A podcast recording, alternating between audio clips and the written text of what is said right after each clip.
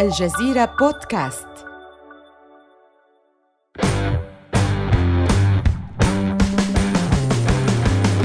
في عام 1970 حدث ما لا يمكن تصوره. جاك كيربي الملقب بالملك الرجل الذي يعود إليه الفضل في بناء عالم مارفل إلى جوار ستان لي. قد انشق فجأة ودون سابق إنذار انتقل إلى دي سي. مفاجأة كان لها دوي هائل. لا تترك دي سي مناسبة دون أن تبدي فخرها بالحصول على هذا الكنز العظيم. توزع الشركة الإعلانات مع قصصها الجديدة لترويج أخبار انضمام كيربي. شهرة كيربي تسبقه. إنه من أعظم شخصيات هذا المجال حتى إنهم لا يحتاجون إلى ذكر اسمه في إعلاناتهم. يكفي أن تقول الإعلانات ببساطة الرجل الأعظم قادم وتعد بشخصيات وعوالم كثيرة خارقة وقوية إلى حد الرعب. لكن الأمر المرعب حقا بالنسبة لكل من كيربي ودي سي هو ما يمكن أن يحدث إذا ما تم تسريب سلسلته الفنية الجديدة إلى مارفل. لذا تصمم دي سي على إبقائها طي الكتمان. تتكتم الشركة على أي معلومات؟ لدرجة أن موظفي دي سي الآخرين لا يتم إخبارهم عما يعمل عليه كيربي مساعد كيربي يتذكر حينما زار مكاتب دي سي في مرة من المرات واحتشد حوله كبار المحررين في محاولات لحوحة للحصول على أي معلومة منه حول سلسلة الملك الجديدة. كيربي مرتاب للغاية ومعه حق. إنه يعتقد أن مارفل ورئيسه القديم ستان لي لن يمنعهما شيء من محاولة سرقة الأفكار منه. في إحدى المرات قدم كيربي اقتراحا لقصة جديدة لدي سي تدور أحداثها حول نساء محاربات في الفضاء الخارجي وكان يطلق عليها اسم المجرة الخضراء. لم تصل السلسلة إلى مرحلة الطباعة ولكن بعد بضعة أشهر نشرت مارفل قصة في واحدة من مجلاتها بالأبيض والأسود تعرض قصة مشابهة وكان مؤلفها هو ستان لي لذا يجب أن يبقى مشروع كيربي الجديد مخبأ بأمان بين حوائط مكاتب دي سي ولكن في أحد الأيام وقبل بضعة أشهر من الموعد المحدد لوصول السلسلة الجديدة إلى أرفف المحلات يقوم مساعد كيربي بزيارة ودية لمكاتب مارفل ويتفاجأ مما يجده هناك.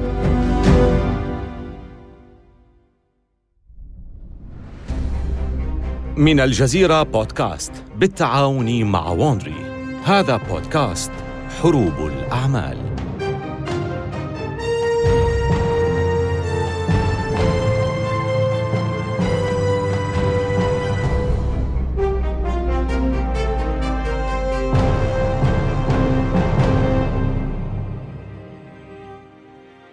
في الحلقة السابقة تابعنا نمو مارفل في الستينيات The Fantastic Four Black Panther Spider-Man كلها شخصيات نتجت عن التعاون المثمر بين عقلي ستان لي وجاك كيربي.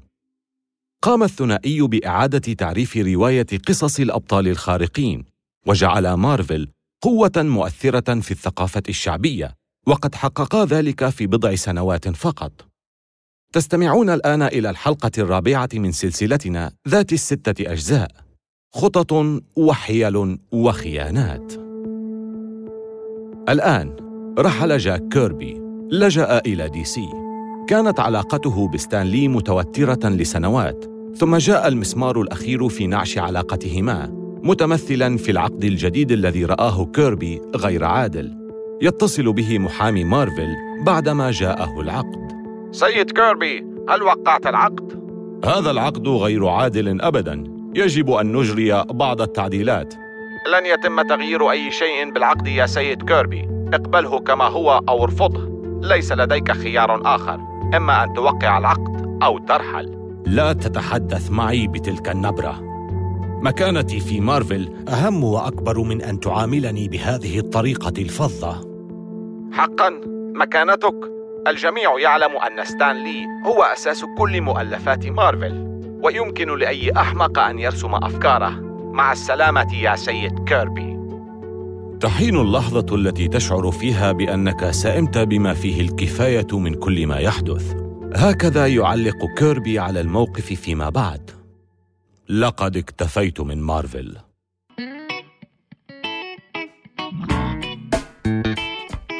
الآن نحن في عام 1970 وقد انضم كيربي إلى دي سي وانقلب عالم القصص المصورة رأساً على عقب المجال بأكمله وكبار المعجبين بكيربي يحبسون أنفاسهم في انتظار خطوة كيربي القادمة وما سوف يقدمه.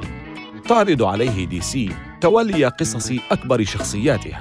الشخصية التي كانت السبب في شهرة دي سي منذ البداية. نحن بالطبع نتحدث عن سوبرمان.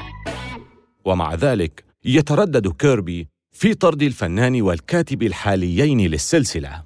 لذا فإنه يختار سلسلة أخرى ليس لها فريق إبداعي ثابت. السلسلة بعنوان صديق سوبرمان جيمي أولسن. أقل ما يقال عن ذلك إنه خيار غريب. إنه الآن يعمل على قصة جانبية مبتذلة لعالم سوبرمان من بطولة مصور صحيفة الديلي بلانيت ذي الوجه المليء بالنمش. ولكن كيربي يقرر على الفور تجديد السلسلة تماما في العدد التالي ويعطي بذلك لمحة من أسلوب مارفل ليضفي على القصة الكثير من النضج بدلاً من أسلوبها الطفولي السابق وهي الخطوة التي تقلق راحة رؤسائه المحافظين في دي سي. لكن هذه السلسلة ليست ما يحلم به كيربي. أتذكر اجتماع كاليفورنيا الذي عقد بين الفنان وكارماين إنفانتينو؟ ذاك الاجتماع الذي عرض فيه كيربي على رئيس دي سي. مشروعه السري الذي كان يعمل عليه حينها؟ المشروع الذي أشعل حماس إنفانتينو حينها وحفزه على التعاقد مع كيربي على الفور؟ حسنا يطلق كيربي على هذه السلسلة العالم الرابع وهي سلسلة من ثلاث قصص مترابطة تروي الصراع بين كائنات قوية تعيش بعيدا على كوكبين متماثلين وبعبارة أخرى كانت السلسلة تمثيلا جيدا للمعركة بين مارفل ودي سي. بزغت فكرة سلسلة العالم الرابع حين كان كيربي يعمل على سلسلة ثور لمارفل، وهذا مثال آخر على التداخل الإبداعي بين الشركتين. لقد تخيل كيربي سلالة جديدة من الآلهة ستحل محل آلهة الأساطير الإغريقية القديمة. تتميز سلسلة العالم الرابع بتقديمها العديد من الأفكار والشخصيات غير المألوفة. أبرز مثال على ذلك دارك سايد الشرير الذي يستطيع تسليط شعاع قوي من عينيه ولديه رغبة جارفة لغزو الكون. وكان لدى دارك سايد تابع يدعى ستيبن وولف ظهر بدور الخصم الشرير في فيلم فرقة العدالة عام 2017 منذ أعوام عديدة قبل ولادتي جاء يقود جيشا في سبيل غزو فضائي. سينتهي هذا العالم. مثله مثل كل العوالم الأخرى. لا يعد عالم كيربي الرابع دي سي بشهرة واسعة فقط بل بتغيير وضعها وإعادة رونقها. دي سي لا تزال تتقدم على مارفل في المبيعات الإجمالية. ولكن المنافس اللدود على وشك الوصول إليها وبإمكانه تخطيها كذلك. ومن ثم لا تجازف دي سي وتفرض أشد الإجراءات الوقائية حتى لا تخرج فكرة كيربي من الشركة وتصل إلى منافستها. وهنا يحدث ما كانوا يحذرون منه بالضبط. يمر أحد مساعدي كيربي على مكاتب مارفل وهو متفاجئ بما يجده معلقا على الحائط. إنها صفحات مصورة من قصة كيربي عن العالم الرابع التي لم تنشر بعد وعندما تصل تلك الأخبار إلى كيربي يستشيط غضباً فمشروعه الآن عرضة للنسخ والتقليد كيف حدث هذا؟ من فعل هذا؟ قائمة المشتبه بهم محدودة لأن عدداً قليلاً جداً من الأشخاص كان لديهم صلاحية رؤية عمل كيربي يفكر كيربي في شخص واحد فقط. فيني كولاتا فنان تحبير السلسلة. فيني هو المسؤول عن استلام رسومات كيربي الأولية بالقلم الرصاص وتحبيرها لتصبح جاهزة. فيني كوليتا مثل كيربي فنان مخضرم في مجال القصص المصورة مشهور بشخصية صاخبة ومثيرة للاهتمام. ولد كوليتا في صقلية. ونشأ في شوارع بروكلين بنيويورك وهو يعطي انطباعا بأنه واحد من شخصيات المافيا في فيلم العراب. رأسه المغطى بالشعر الأبيض الكثيف يمشطه إلى الوراء ويهوى ارتداء الملابس المبهرجة. ذهب ذات مرة إلى أحد مؤتمرات القصص المصورة مرتديا بدلة بيضاء وقميصا حريريا أسود تاركا أزراره العليا مفتوحة.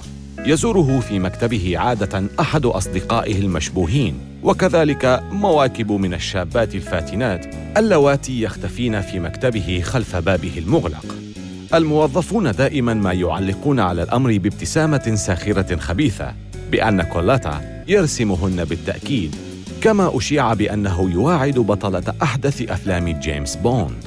سواء كانت لديه اتصالات سرية بأشخاص مهمين أم لا فالمؤكد أنه يحب أن يدفع الآخرين لتصديق ذلك.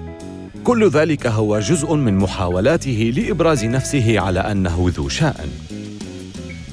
في إحدى المرات جاء إلى رئيس دي سي إنفانتينو بعرض غريب وهو أن يصبح حامل الرسائل والأخبار بين إنفانتينو وستان لي ولذلك عندما يتم العثور على صفحات من قصص العالم الرابع لكيربي التي لم تصدر بعد معلقة في مكاتب مارفل فإن الأدلة تشير سريعا إلى كوليتا. ومن غير الواضح ما إذا كان تسريبه للعمل بغرض الإضرار أم مجرد محاولة أخرى للترويج لأهميته الخاصة. وفي كلتا الحالتين تغضب دي سي من هذه الخيانة وتطرد كوليتا من منصبه كفنان تحبير لكيربي. ولكن الخيانة لم تنتهي عند هذا الحد. لأن موقفا غريبا آخر يحدث في نفس الوقت تقريبا. لذا تشتبه دي سي في وجود جاسوس آخر في مبناها. يشك رئيس الشركة بأن بعض الموظفين من قسم الإنتاج يقومون بتفتيش المكاتب في وقت متأخر من اليوم. بعد انصراف الموظفين بحثا عن معلومات يستطيعون تسريبها للصحافة أو ربما أسوأ من ذلك. تسريبها لمارفل نفسها. دي سي عازمة بإصرار على القبض على هذا الجاسوس وفي سبيل ذلك تبدأ الشركة عملية مكافحة التجسس على غرار عمليات الحرب العالمية الثانية بشكل يستحق توثيقه في رواية. لقد أطلقوا على العملية مثل جميع العمليات السرية الحقيقية اسما حركيا وهو بلاك باستر رئيس دي سي كارماين إنفانتينو يكتب مذكرة زائفة على ورق دي سي الرسمي مدعيا أن الشركة ستطرح قريبا سلسلة جديدة ضخمة من القصص المصورة في 500 صفحة. ويترك المذكرة الزائفة على مكتب أحد الموظفين في ليلة من الليالي ثم ينتظر. ينجح الفخ. وتصل أخبار قصص دي سي الضخمة في ظروف غامضة إلى العديد من المجلات. وبطبيعة الحال إلى مكاتب مارفل بمانهاتن التي تقع على بعد بضعة مبان من دي سي في وسط مانهاتن ولاحقا يبدأ ستان لي بالحديث عن نسخة مارفل الخاصة المكونة من 500 صفحة أيضا مقابل دولار. يتم اكتشاف الجاسوس. وعلى الرغم من ذلك يتم التعامل معه برحمة في نهاية المطاف فبدلا من طرده لم يعد مسموحا له بالعمل ليلا بحيث تتاح له الفرصة للبحث بين المكاتب. ولكن كل تلك الأحداث تشحن الأجواء بالارتياب والقلق بين جدران دي سي. في نفس الوقت تقريبا قام أحد مؤلفي مارفل المدعو ليري ليبر الذي عمل معهم لسنوات طويلة بتقديم طلب للعمل في دي سي. يرسل سيرته الذاتية إلى الشركة وينتظر ردا ولكن دي سي لم تتواصل معه أبداً. إنه أمر غريب بعض الشيء. ذلك أن ليبر كاتب مخضرم وبارع بحق. إنه من كتب أول أعداد آيرون مان إضافة للعديد من كبار شخصيات القصص المصورة. ربما تعتقد بأن أي ناشر للقصص المصورة سيكون محظوظا إذا وظفه ليعمل معه. لكن ثمة مشكلة واحدة فقط. إن ليري ليبر هو شقيق ستان لي. بعد بضعة أشهر كان ليبر في إحدى حانات مانهاتن عندما التقى بكارماين إنفانتينو. وهناك يواجه رئيس دي سي بشأن تجاهله إياه. كارماين ما الأمر؟ لم يصلني منك رد. لقد أرسلت لك سيرتي الذاتية. ماذا؟ أتعني أنك كنت جادا؟ ظننا أن ستانلي يحاول إرسالك للتجسس علينا. إنها قصة طريفة. لا سيما أن كل ذلك الغموض وكل تلك العمليات السرية كانت في سبيل القصص الهزلية. أمر يبدو مثيرا للسخرية. ولكن على مر السنين وقعت العديد من الحوادث التي تضمنت انتقال المعلومات بشكل غامض من دي سي إلى مارفل أو العكس. والعديد من المواقف الأخرى كانت المصادفات فيها مريبة بشكل يدفعك للتساؤل. بما في ذلك واحدة من أنجح سلاسل القصص المصورة على مر العصور. The X-Men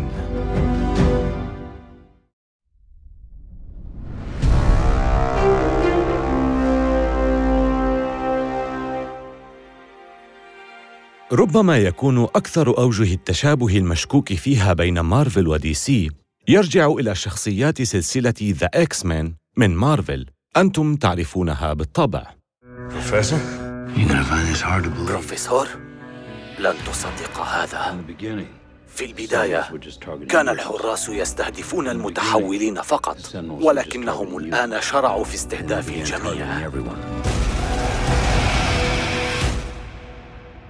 لقد حصلوا على سلسلة الأفلام الخاصة بهم في عام 2000 وكانت من بطولة هيو جاكمان في دور وولفرين وباتريك ستيوارت في دور البروفيسور إكس. ولكن سلسلة القصص المصورة الخاصة بهم ظهرت عام 1963 والعدد الأول من السلسلة كالعديد من أعداد مارفل في البداية. كان من تأليف ستان لي ورسومات جاك كيربي.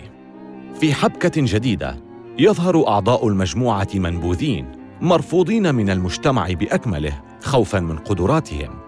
يقود المجموعة عبقري على كرسي متحرك إنه البروفيسور إكس.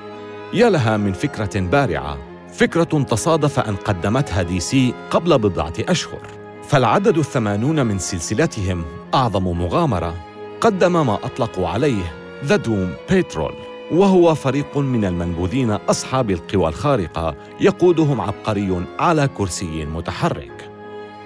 وبينما كتب على غلاف العدد الأول من The X-Men أنهم أغرب الأبطال الخارقين على الإطلاق جاء غلاف The Doom Patrol مكتوبا عليه كذلك أنهم أغرب أبطال العالم.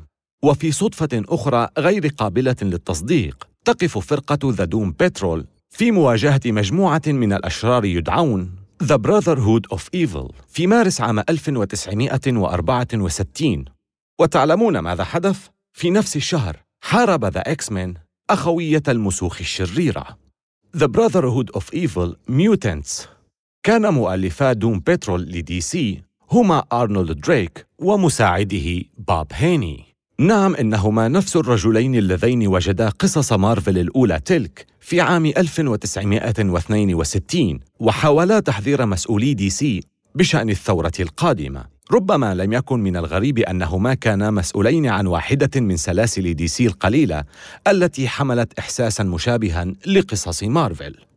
في الواقع لقد بدت مشابهة جدا لقصص مارفل لدرجة أن مارفل قررت تقليدها. ونشرت قصص The X-Men بعد ثلاثة أشهر فقط من وصول The Doom Patrol إلى المتاجر.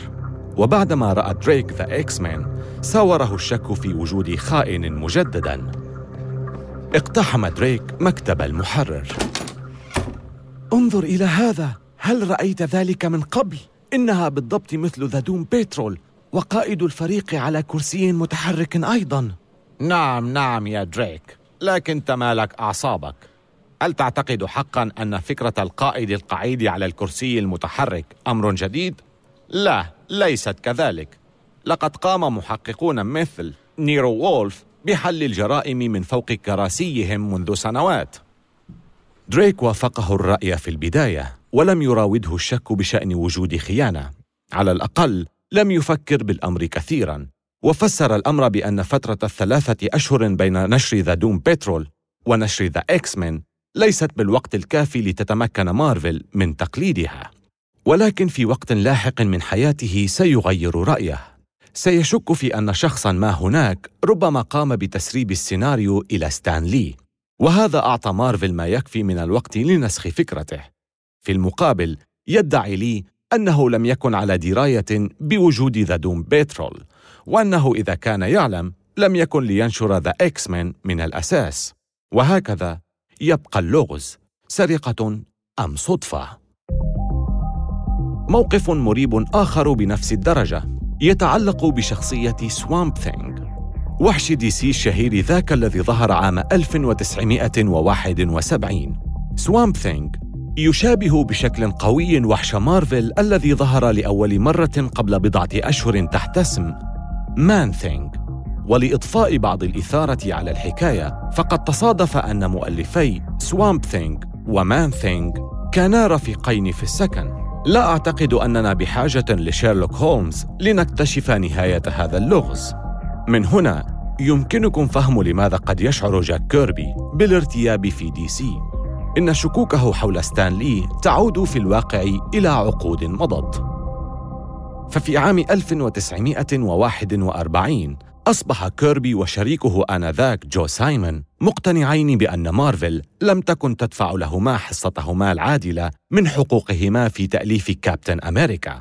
ولذا تفاوضا مع دي سي للانتقال إلى هناك.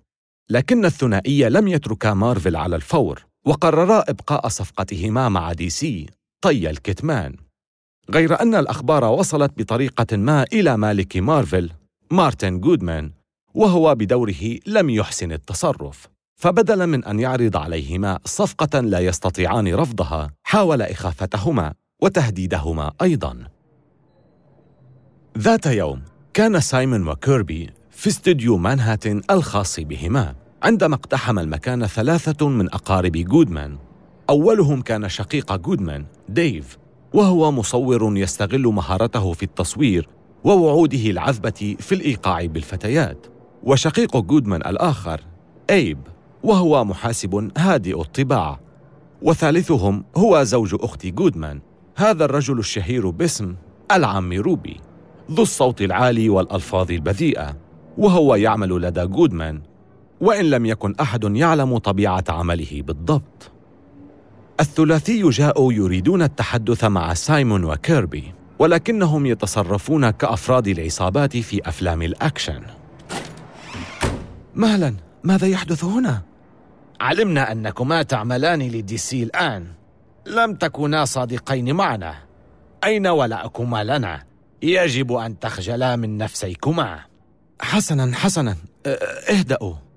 من الأفضل أن تتما عملكما على هذا العدد الأخير من مجلة كابتن أمريكا للنهاية. بعد ذلك اعتبرا نفسيكما مطرودين. حسنا. الآن أرحلوا من هنا. من غير الواضح كيف اكتشفت مارفل أن كيربي وسايمون كانا يخططان لتركها ولكن كيربي لديه نظرية. ستانلي إذا رأيت هذا الرجل اللعين مرة أخرى سأقتله. توعد كيربي. وفقا لسايمون مضى كيربي بقية حياته حتى اليوم الذي توفي فيه وهو يكره ستانلي وفي عام 1971 بدأ بتجهيز خطته للانتقام. كيربي مشغول بالعمل على قصص جديدة في دي سي وفي العدد السادس من إحدى السلاسل يقدم شخصية رجل محتال يدعى فانكي فلاشمان وهو نسخة طبق الأصل من ستانلي. بداية من شعره المستعار ولحيته وحتى حسه الفكاهي اللاذع وفي القصة يظهر فلاشمان وهو حرفيا يدير مزرعة عبيد ويجني من ورائهم الأموال دون أن يتحرك من مكانه حتى. على الغلاف كتب هذا الوصف في الظل. هناك بين النجاح والفشل يعيش رجل صغير متسلط يحلم بالحصول على كل شيء.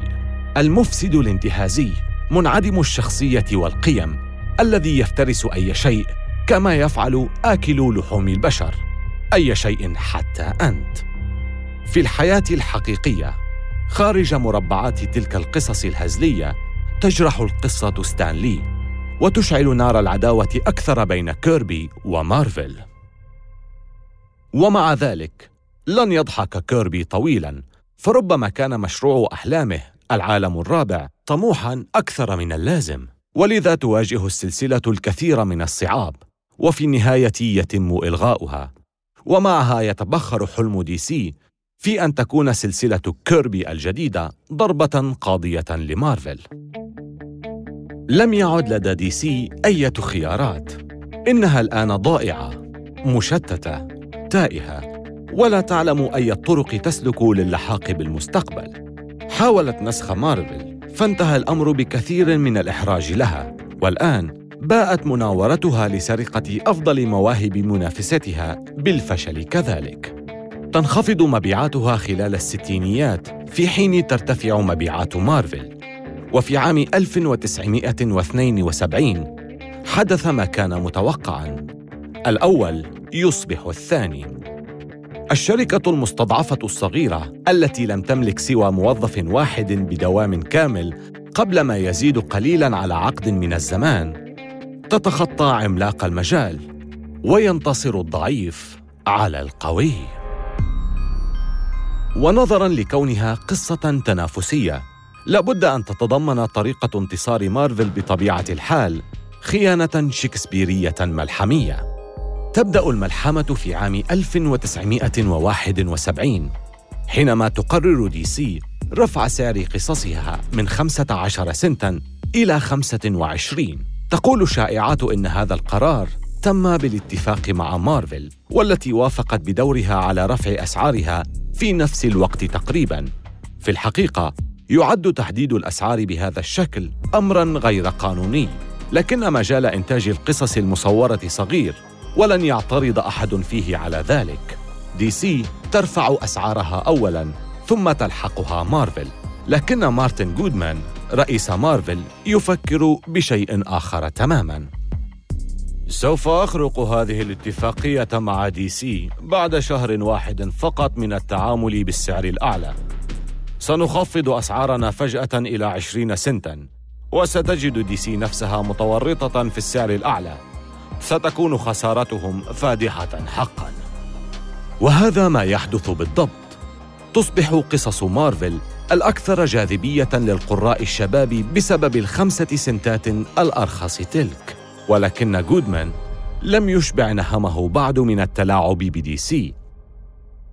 للاحتفال بتفوقهم أخيراً على المنافسة اللدود يأخذ جودمان موظفيه لتناول العشاء والمشروبات في مطعم محلي بمنهاتن ويختار حانة تسمى The Friar Tuck Inn تقع مباشرة قبالة مكاتب دي سي في الجادة الثالثة في الشارع 55 وهي الحانة المفضلة لموظفي دي سي لقضاء الوقت فيها. يومها يستمتع طاقم عمل مارفل بليلة صاخبة يملأها الكثير من الطعام والشراب. هذا النصر ينهي حربا أسطورية ويتوج مسيرة لا تصدق بدأت منذ أحد عشر عاما فقط قبل أن يتقدم جودمان بطلبه لستان لي. أن يؤلف قصصا تحاكي فرقة العدالة الخاصة بدي سي وبدلا من ذلك كتبت ولادة أسطورة أمريكية جديدة. مارفل ستتربع فوق عرش القصص المصورة إلى الأبد. وبغض النظر عن بضعة أشهر هنا وهناك فإن دي سي لن تتقدم عليها مرة أخرى في مبيعات القصص المصورة الشهرية. ولكن في النهاية سوف تتحول كل تلك المبيعات الدورية إلى قيمة صغيرة جدا مقارنة بما هو آتٍ. لأنه في غضون سنوات قليلة سوف تكتشف كلتا الشركتين أين يقع الكنز الحقيقي. إنه هناك في هوليوود. تلك الحقيقة سوف تؤدي إلى موجة عارمة من الاستغلال الجنوني لهذه الشخصيات الخارقة وتشعل حربا جديدة مريرة بين أعداء الأمس. حربا صارت قيمتها الآن تساوي مليارات الدولارات في الحلقة القادمة سوبرمان يحصل على فيلمه الأول ويقفز إلى شاشات السينما مفتتحا بذلك حقبة جديدة كاملة من الأبطال الخارقين الذين سرعان ما يصبحون نجوم الأفلام الرائجة التي تدر مليارات الدولارات من مبيعات التذاكر والسلع الترويجية. آمل أن تكونوا قد استمتعتم بهذه الحلقة من حروب الأعمال. استمعوا إلى حلقاتنا عبر أبل بودكاست وجوجل بودكاست وشاركوها مع أصدقائكم. ولا تنسوا زيارة موقعينا على الإنترنت podcast.aljazeera.net و wondery.com وملاحظة سريعة حول المحادثات التي سردناها. لا يمكننا أن نعرف بالضبط ما قيل ولكن هذا الحوار مبني على أفضل الأبحاث التي قمنا بها. قدم هذه الحلقة في نسخة اللغة الإنجليزية ديفيد براون. كتب القصة ريد تاكر وهو مؤلف كتاب Slugfest تفاصيل الصراع الملحمي بين مارفل ودي سي في خمسين عاماً. كارين لوي هي المحررة وكبيرة المنتجين وقامت Bay Area Sound بتصميم الصوت. منتجنا التنفيذي هو مارشال لوي. أخرج السلسلة هرنان لوبيز لصالح شبكة ووندري